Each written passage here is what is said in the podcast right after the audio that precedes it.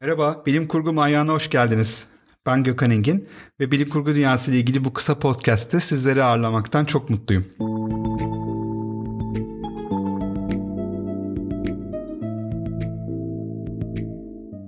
Bu yayında bilim kurgu dünyasının ilk bakışta göze görünür yüzünün arkasına bir göz atacağız ve ilk bakışla göremeyebileceğimiz ne gibi insan hikayeleri, ne gibi semboller, ne gibi fikirler ortaya çıkıyor hep birlikte inceleyeceğiz. Neden bir bilim kurgu? Çünkü bilim kurgu tarihe hep bir göz kırpar ve aslında insanlığın büyüme, yükselme ve özgürlük mücadelesini anlatır. Bundan da keyifli bir konu olabilir mi?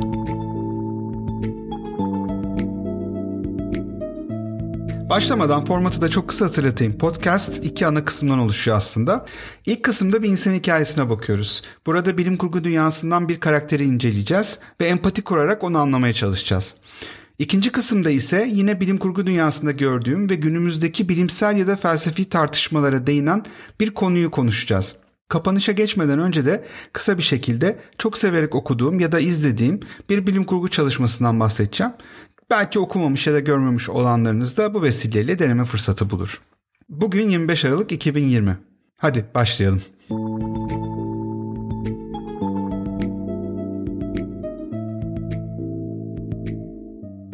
Bugün insan hikayelerinde konuşmak istediğim karakter Matrix filminden Cypher.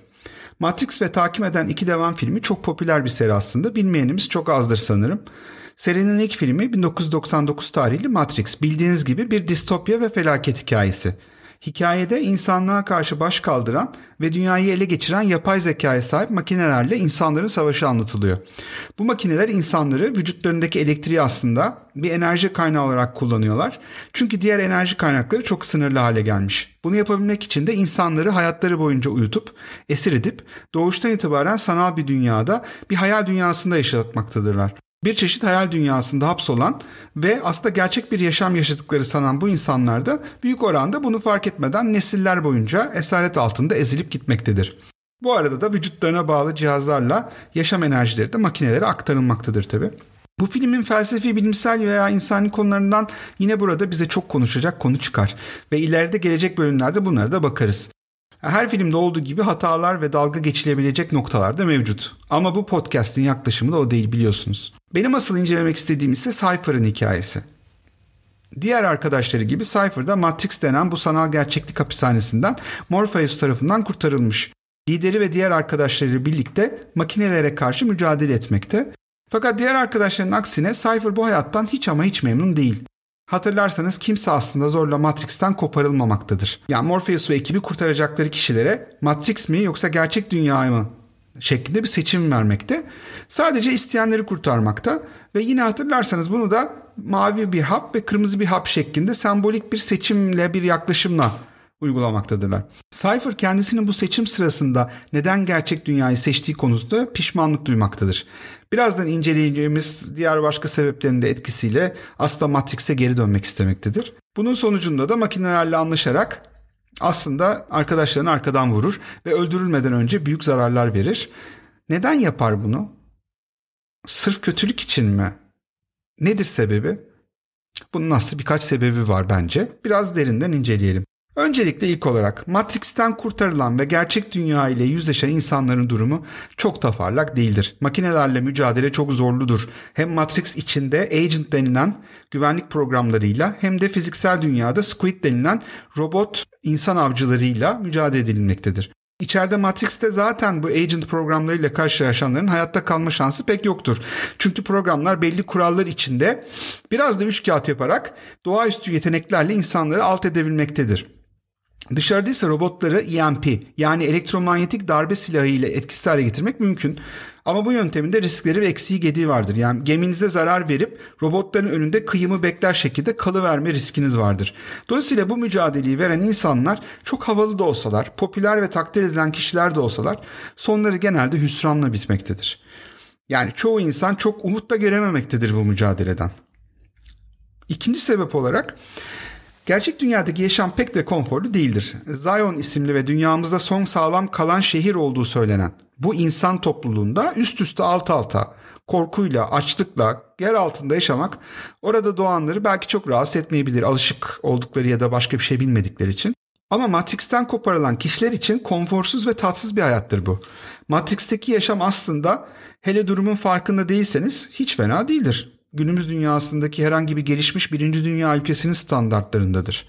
Ayrıca şehir dışındaki gemilerde görev alıp fiziksel mücadeleye girenler için yani gemiler de çok sıkıntılıdır. Tek cins tatsız bir yemek, soğuk, karanlık, yalnızlık, sürekli ölüm korkusu ve dar bir yerde 5-6 kişilik küçük bir grupla tıkılı kalmak zorlukla yani bunlar e, keyifli şeyler değildir.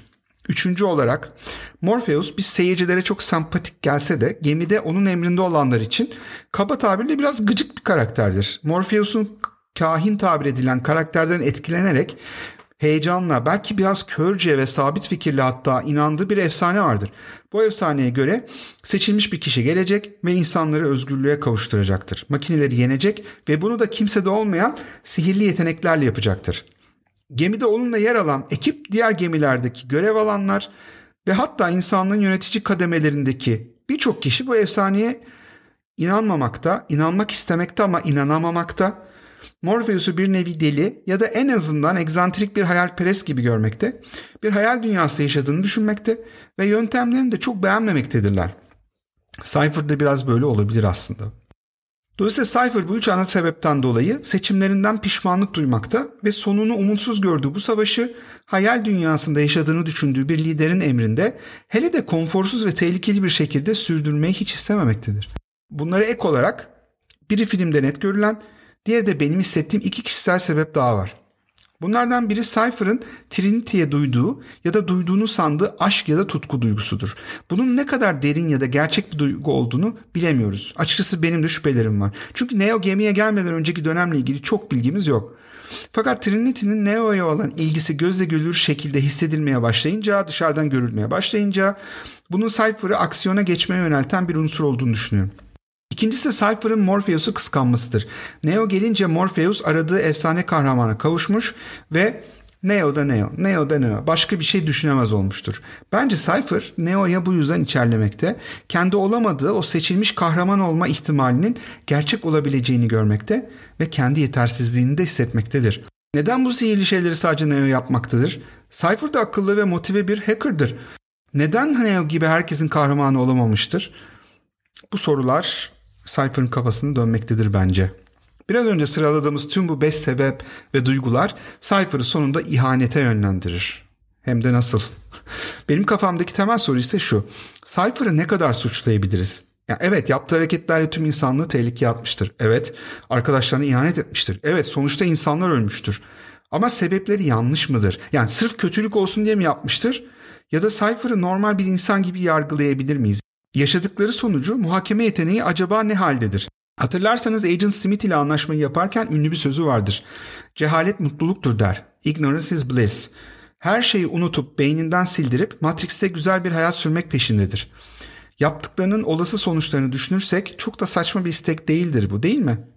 Bu yaptıklarıyla yaşamak herkesin harcı değildir.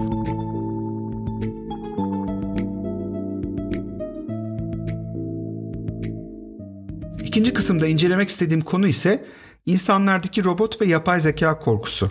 Bu konu aslında bu podcast'te konuştuğumuz diğer konular gibi yine çok geniş bir konu tabii. Yani kısa bir bölümle bitecek gibi de değil. Ama bugün sadece belirli bir alana odaklanmak istiyorum. O da Isaac Asimov ve yarattığı robotin 3 ana kuralı. Isaac Asimov robot ve robotik konularını geniş kitlelere yaymış olan ve bunu yaparken hikayelerini kendi bilimsel eğitimiyle ve zekasıyla da desteklediği için bundan 70-80 yıl önce yazmış olmasına rağmen hala kendini okutturan birçok eserin sahibi. Asimov'un robot hikayeleri ve romanları 20 bin yıllık bir dönemi kapsıyor. Ve bu dönemin başında insanın robotları bulması, geliştirmesi, bunun sosyal ve kültürel etkileri, daha sonra uzay teknolojilerinin robotlar yardımıyla bulunması ve insanlığın başka gezegenlere yerleşmesi ile başlayan uzun bir imparatorluk hikayesinin başlangıcına bağlanıyor aslında. Asimov belki de ondan öğrendiğim bilim kurguda insan hikayelerine odaklanma yaklaşımının da önemli temsilcilerinden. Karakterleriyle empati kurabilen, karakterlerinin arkasını ve içini dolduran, sadece teknolojik ve aksiyon öğelerini değil, insani öğeleri de eserlerine katmış bir sanatçı ve bilim adamı kendisi. Hikayelerinde robotların yaratıp geliştirildiği ilk dönemlerde robotlara insanların yoğun bir duygusal tepkisi var. Asimov buna Frankenstein kompleksi diyor. Yani insanların robotlara karşı duyduğu içgüdüsel o korku, güvensizlik, endişe ve düşmanlık duyguları. Kendisinin öngörüsü olan bu olayın gerçekten yaşanacağından ve önümüzdeki yıllarda bunu göreceğimizden benim hiç şüphem yok. Asimov'un yarattığı bu evrende insanlar bu tepkileri yüzünden robotları kullanmaktan kaçınmakta, onlardan korkmakta ve onları kamusal alanlarda ve evlerinde istememektedir. Bazı hikayelerinde fiziksel şiddete kadar varabilen bu güvensizlik duygusu genel olarak bilimsel ilerlemeyi engellemekte, robotların ve otomasyonun aslında insanlığa olan faydalarının da önünü kesmekte. Dolayısıyla nihai olarak diğer güneş sistemlerin kolonizasyonunu da engelliyor aslında. Çünkü sonuç oraya gidiyor biliyorsunuz Yasimov'un hikayelerinde. Bunu da insanlığın kaderi ve hak ettiği konum önünde ciddi bir engel olarak düşünebiliriz. Düşünün sadece bir gezegende hapis kalmış ve birbirini yiyen bir topluluk olmak yerine evrene kollarını açmış ve bomboş güneş sistemlerini hayatla doldurmuş bir imparatorluk kurmuş bir insanlık sanırım hepimize çok daha çekici geliyor. Asimov'un anlattığı bu dünyada bilim adamları robotların beyinlerine bazı güvenlik kontrolleri koyarak bu tepkiyi ve engeli aşmayı düşünürler. Bunun için robotiğin üç temel kanunu tabir ettiğimiz bir yapı oluştururlar. Bunlar sadece bir söz dizisi değildir aslında. Bunlar robotların kafalarındaki programların, teknik kuralların ve aslında o kodların söze dökülmüş halidir. Nedir bunlar? Birincisi robotlar insanlara zarar veremez ya da eylemsiz kalarak onlara zarar gelmesine göz yumamaz. İkincisi robotlar birinci kanunla çakışmadığı sürece insanlar tarafından verilen emirlere itaat etmek zorundadır. Üçüncüsü de robotlar birinci ya da ikinci kanunla çakışmadığı sürece kendi varlıklarını korumak zorundadır. Bu üç kural ile insanların kendini güvende ve kontrolde hissetmeleri sağlanırken kötü niyetli bazı kişilerin de pahalı birer yatırım olan bu robotlara zarar vermesi de engellenmeye çalışılıyor. Bu kurallar sayesinde robotlar sosyal hayata girebilir hale geliyor.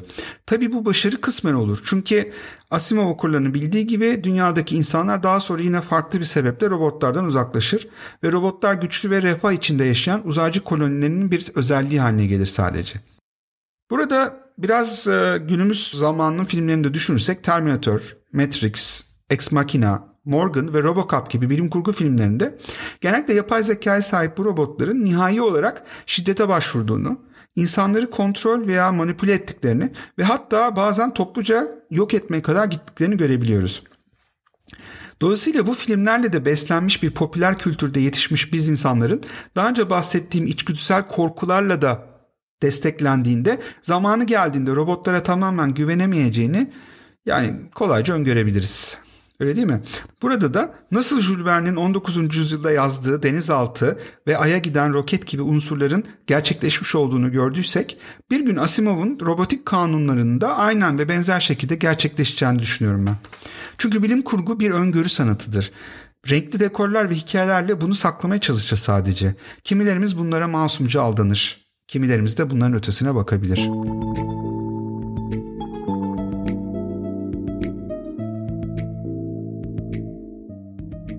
Kapanışa geçmeden bu bölümün tavsiyesini de paylaşmak istiyorum. Andy Weir'den Artemis A Novel isimli romanı okumanızı tavsiye ediyorum.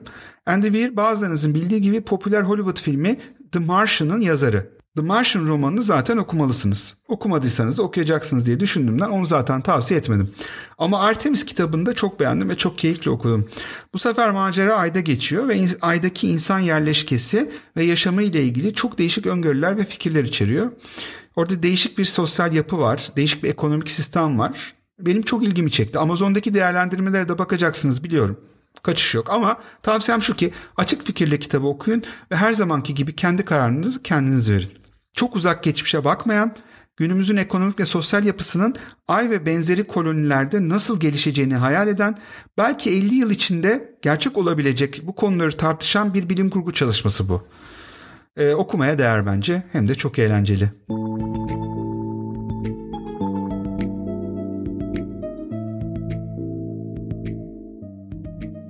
Evet, ikinci bölümün sonuna yaklaştık. Bölümü bilim kurgu dünyasının çok keyifli ve tanınmış serilerinden Geleceğe Dönüş, Back to the Future filmlerinin Doc Brown'un bir sözüyle bitirmek istiyorum. Doc Brown, Marty'ye inşa etmiş olduğu zaman makinesini ilk gösterdiğinde Marty tabii çok şaşırır ve heyecanlanır. Bir zaman makinesi mi yaptın? Hem de bir DeLorean marka arabadan mı? diye konuşur. Ee, Doc Brown da hatırlarsanız şöyle der. Bir arabadan zaman makinesi yapacaksan neden seçkin ve havalı olmasın? Bir şey yapacaksak hak ettiği gibi özenle, zevkle ve olumlu enerjiyle yapalım. Bunu yaparken kendimizi çok da ciddiye almayalım. Ama başkalarının ön yargılarının ve olumsuz fikirlerinin de bizi durdurmasına hiç izin vermeyelim.